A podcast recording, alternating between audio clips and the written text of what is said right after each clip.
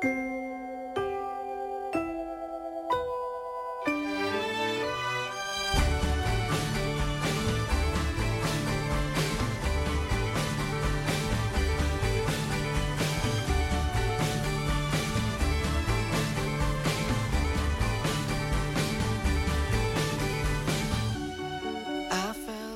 Comezamos a mañá falando de cine, logo viñeron os cine poemas e agora rematamos con poemas. Non podía ser de outro xeito, os poemas que nos achega Alba Cid. Moi bons días, Alba.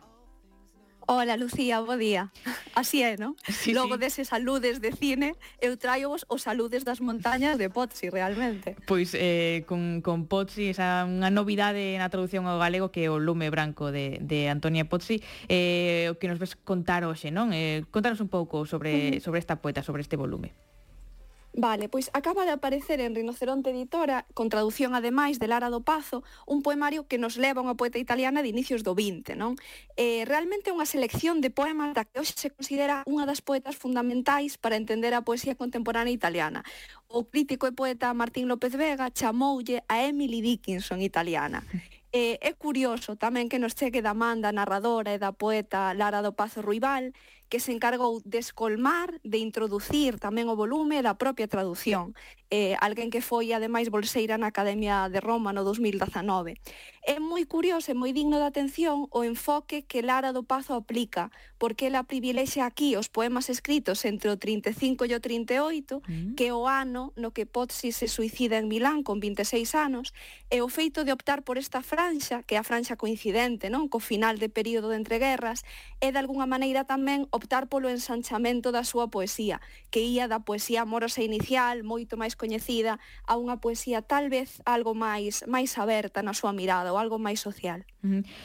Podemos dicir que estamos como nun momento de nunha especie de revival de, de Antonia Pozzi, non sei que como podemos introducila. Pois 100%, Lucía, porque a pouco que se observe o ritmo das traduccións a outras linguas, faise evidente un crecente interese por ela. Todo parece comezar hai cousa dunha década no mundo anglófono, logo no portugués, vemos a verquida no 2012, no mm. castelán no 2016 e no 19, e neste mesmo ano, por exemplo, chega tamén o catalán. Entón, que chegue o sistema galego é, é bo indicio, uh -huh. diría eu, non? Eh, isto ademais ten un, un punto peculiar. Realmente Pozzi publicou un único poema en vida. Malia nacer nunha familia milanesa ben acomodada, de feito ela cursa estudos eh, de filoloxía escribe dende de a adolescencia, chega a xuntar 300 de poemas, é certo que non foi alentada nin contaba con referentes femininos na escrita, non? Como lle podía acontecer a case calquera muller da época, de modo que os poemas só van ser publicados póstumamente en Mondadori e traspasar, de alguna maneira, pola revisión e pola man censora do pai. Eh, entón, foi necesario moito tempo para que mm. esta obra gozase dun estudo, non dunha recuperación minuciosa. Eu, para introducila, o que vos diría é que compre ir ao mellor a impresión primeira.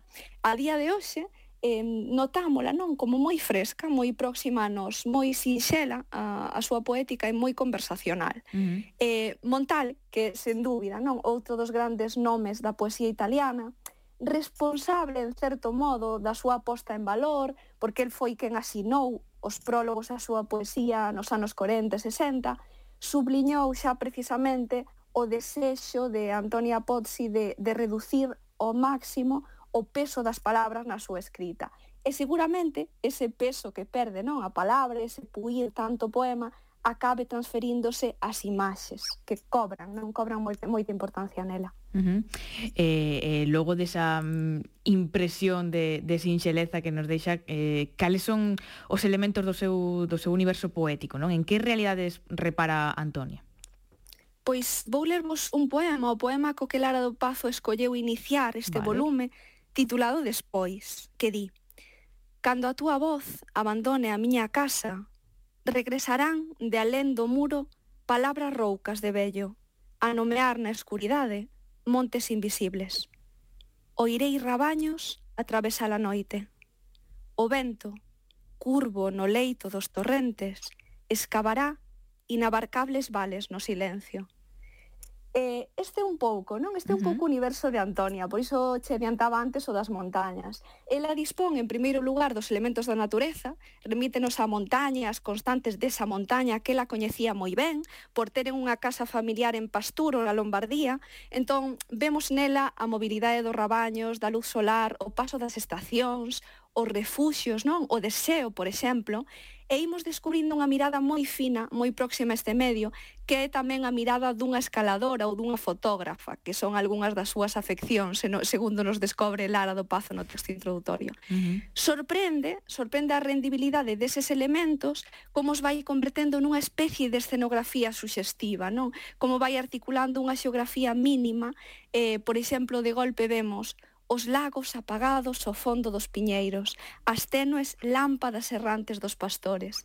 Entón, xogando con eses bimbios, vai aparecendo tamén unha forte conciencia do ineludible que, que se adentra nos poemas, do silencio, da finitude da vida, e que tamén atravesa esta colección en galego e nos permite entender porque seguramente se falou dun pazos da imposibilidade nela, algo que imos percibindo constantemente en poemas como Vida, como Sede, poemas seguramente en fin, un pouquiño máis graves. Uh -huh.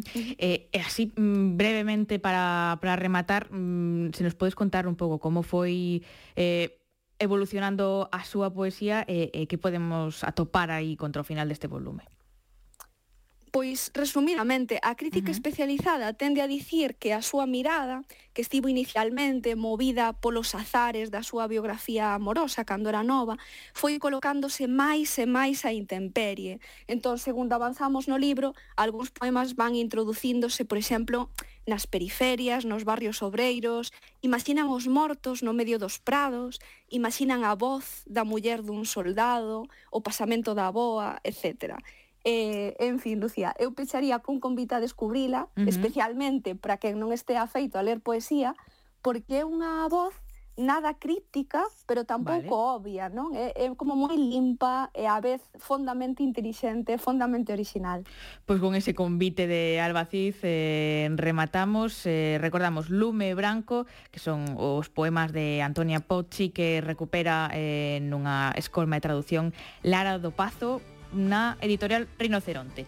Eh, Alba Cid, moitísimas grazas por esta recomendación de hoxe. Unha aperta.